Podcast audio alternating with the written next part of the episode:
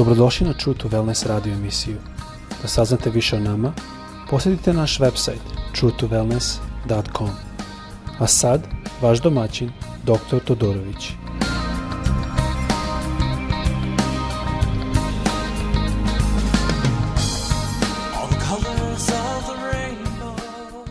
Ljubaznim, dobar dan, dobrodošli na naš podcast. Ovo je sada, u toku smo u seriji gde govorimo o blagodati, i e, više e, epizoda smo koristili, mislim negde pet ili šest, e, gde smo govorili o adapciji ili usvojenju, a to je zato što je to zaista vrlo bitan deo razumevanja evanđelja. Mislim da to jedan deo što đavo pokušao da oduzme i da sakrije, mada većinu hrišćanu crkvi znaju o tome, ali nekako kao da se kao kada gledamo u maglu, pa gledamo, ali ne vidimo u tom smislu.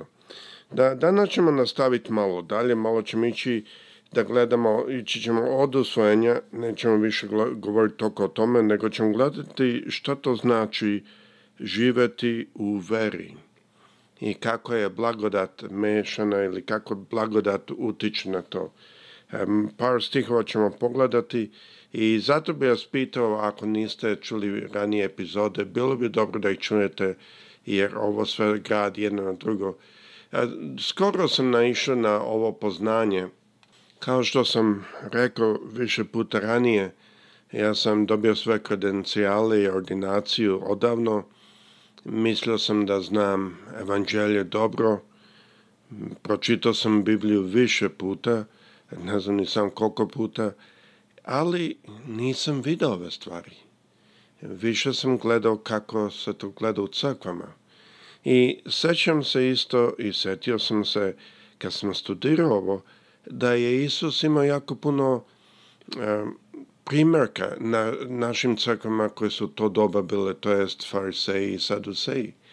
I ne mislim da je to toliko drugčije. Mnogo puta, barem ovde, naše crkve E, ovdje u Americi su jako puno vezane za novac, jako puno su vezane da članstvo dolazi u crkvu, da su brojevi veći, da bi imali više novca. U Srbiji je to bolje, prilično bolje ja radim sa pastorima najviše koje ja znam da zaista imaju iskreno srce. Imam puno pastora koji žele da rade s nama i mi radimo, ali isto ima ograničenje vreme, koliko vremena imamo ali svakako sam izabrao najviše da se fokusiram na pastore koji e, zaista znam da su predani.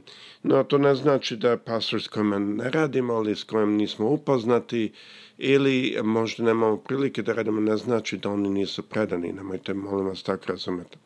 Ali svakako želimo dalje da gledamo šta to znači živet i hodat u veri i pre nego što to počnemo mislim da bi jako bilo lepo da slušamo pesmu e, Isus Rahak, e, Joshua Rahak, e, mislim da je to od Paul Wilbur, ali zaista pesma je divna, mislim da ćete voleti i uživati u ovoj pesmi.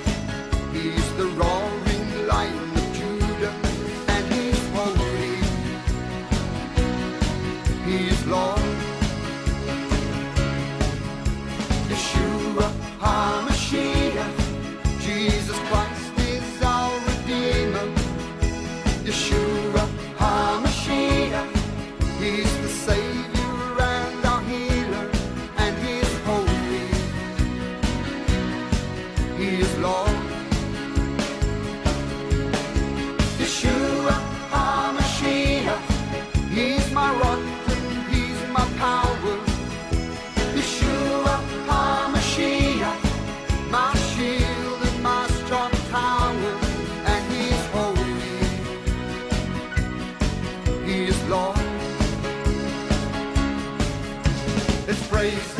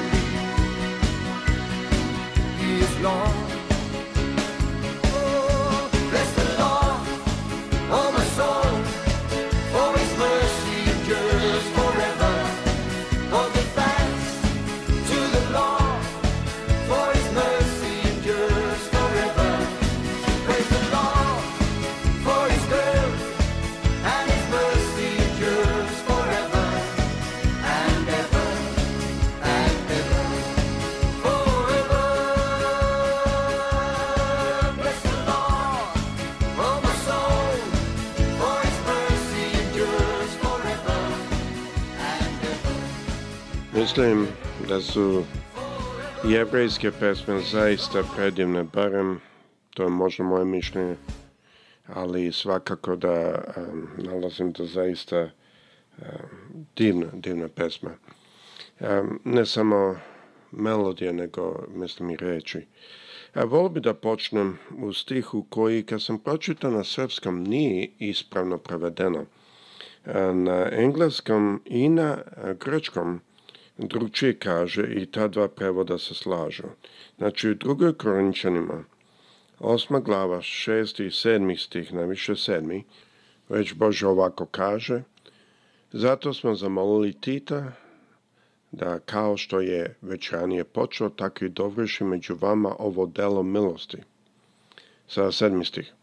Stoga, kao što se u svemu ističete u veri, u govoru, u znanju, u svakoj brižljivosti i u svakoj ljubavi za nas. Istaknite se u ovoj milosti davanja. Tako da ovdje svakako reč e, izgleda kao da je o davanju i pomaganju financijskom. A sad ću vam pročitati na engleskom, sedmi stih najviše, a posle ću prevesti. E, na engleskom kaže But as you excel in everything, in faith, in speech, in knowledge, in all earnestness, in all love for you, see that you excel in this act of grace also. Znači, na engleskom kaže kako u svemu se natičete ili ističete, kao što kažem našem, u veri, u govoru, u znanju, u vašem iskrenosti i našoj ljubavi za vas. A na grčkom baš kaže primjer naše ljubavi što smo mi pokazali, što malo tručije. E, kaže onda ovdje, vidite da isto tako napredujete u ovom delu blagodati. I kada pogledate na grčkom, vidi se da se uopšte ne radi o davanju, nego se radi o delu blagodati, to jest ljubavi. Jer na grčkom se kaže da u ovom delu trebate da napredujete, a reč koja tu stoji je perisou, što znači da se e, daje, e, da se učešuje ili bude bolje ili više od drugih. Ova riječ ne može da se odnosi na fizičko davanje ili pomaganje, više se odnosi na život. Tako da je to zanimljivo da je tu riječ. Ali ovdje vidimo znači da blagodat ima više elemenata. Jedno je vera, jedno je govor, jedno je znanje, i jedno je iskrenost i onda ljubav za one što su pored nas. Zanimljivo, baš kad sam čito to, mislio sam, gospode, zašto je to tako stavljeno? Ovdje kako liči, e, stavljen jako velik emfasas na ljubav. I to me jako iznenadilo kad sam to čito.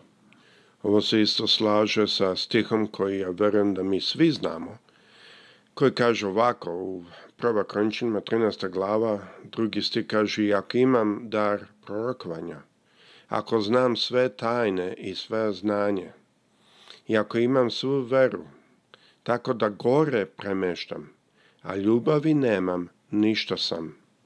Ako se romašnjama razdalim sve što, sam im, što imam, i ako svoje telo predam da se sažeže, a ljubavi nemam, ništa mi ne koristi. Zanimljivo ovdje kada vidite, kad kaže ako imam dar prorokovanja i ako sve tajne znam i svo znanje, to se slaže sa onim ranijim stihom da kaže od razne lista ili iznosi razne darove od blagodati, da kaže vera, govor i znanje. Kao što vidimo, ti elementi se opet odne, ovdje iznose. E sada, kad odemo na naredni stih, e, to jest e, ne naredni, e, zadnji, vidimo da piše u prvo končinima 13. glava 13. stih Sada ostaje vera, nada i ljubav. To troja, najveće među njima je ljubav. Ne znam zašto, nisam puno shvatio ili čuo propovednike da propovedaju o ovome. Mislim da je ovo tajna. Ovo je vezano sa usvojenje ili adapcijom. Kad mi shvatimo da nas je gospod usvojio, kad je mi shvatimo smo mi napravljeni da budemo i da se zovemo deca Božja, iako nismo dostojni. Prva stvar što se stvori u našim srcima nije vera, nego ljubav.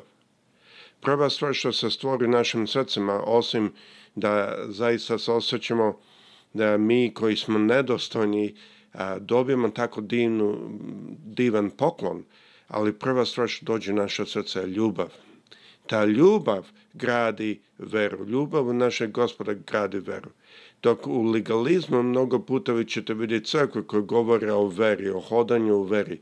Ja još nisam vidio da neko ima veru u Boga i da čini čudesa, da ne voli i nema potpunu ljubav da je spran da umre za Boga a to još nisam vidio, ne mislim da će ikad vidjeti, zato što je ljubav najveća među njima, zato je najveća. Jer ljubav je ta prva reakcija koja se dobije, koja dođe kad mi shvatimo da smo oslobođeni greha, kad shvatimo da smo poslali daca Božja. A zašto? Zašto je ovo bitno? U 1. Jovanoj 4.18 kaže u ljubavi nema straha, nego savršena ljubav izgoni strah. Razmišljajte malo o tome. E, zašto je to bitno da se izgani strah? Zato što strah i vera ne mogu biti u istom srcu. To znamo što je mnogo puta Isus ukazao učenicima kad je rekao e, njima zašto ste tako maloverni ili zašto ste strašljivi. Strašljivi i maloverni često puta su jedno za drugim išli. Kada se neko plaši, on ne može imati veru. Ja sada ne govorim o drugoj vrsti straha, jer u jevrajskim jezikima dve reči za strah. Jedan je kao naš strah, a jedno je obožavanje ili svačenje koliko velik je Bog. Ne znam da li sam najbolje prevo to, ali to nije strah da ga se mi plašimo. To je više taj osjećaj kako velik si ti, gospode. Ne pričamo o tom strahu, pričamo o ovom strahu koji mi svi pod srpskom, srpskom reči straha podrazumemo. A ovdje kažu ljubavi nema straha, nego savršena ljubav izgoni strah. Dok sam ovo studirao, shvatio sam da u nas ne može doći vera dok strah nije izgonjen. A ne može da e, se izgoni strah dok je ljubav nije savršena. Jer strah je povezan sa kaznom, nastavlja reč, e, zadnji deo 18. stika, i kaže, jer strah je, strah je povezan sa kaznom, ako se boji nije savršen u ljubavi. Tako napravio sam da kad budem radio seminare da pokažem jedan model i u tom modelu vidi se linija u kojoj piše strah. I onda dolazi ljubav u tu liniju, u, u intercepta tu liniju i ta linija posle toga više nije strah, nego je vera. I vera i nada. I mi moramo shvatiti da nas je Bog pozvao ne da hodamo u nekom strahu, jer ja se nadam da se vi sećate kad smo čitali u Rimljanima 8.15, pa čitat ću opet, naime niste primili duha robovanja, pa da opet strahujete. Znači, ta dva su vezana. Gospod ne može da stavi u nas jako pravu, čistu veru, koja veru njega i nadu dok taj strah postoji. I to je sasvim logično i sa psihičke strane. Čovjek ne može da ima nadu, a isto, u isto vrijeme da ima strah. Razmišljajte o ovome. Jer ako mi zaista verujemo da naš nebeski otac sve može, sve je u stanju, da je on pun ljubavi, da on svakako ne želi greh, ali on je pun ljubavi, on zna naše slabosti i on želi da nam pomogne da hodamo sveto. Ako mi to znamo, onda će, od čega sam plašimo? Nema mesta sa strahom. Tako želim stati na ovom, nego ću malo govoriti o tome kako Gospod želi da na naša srca zapiše zapovesti kao što se svema mama pjeva.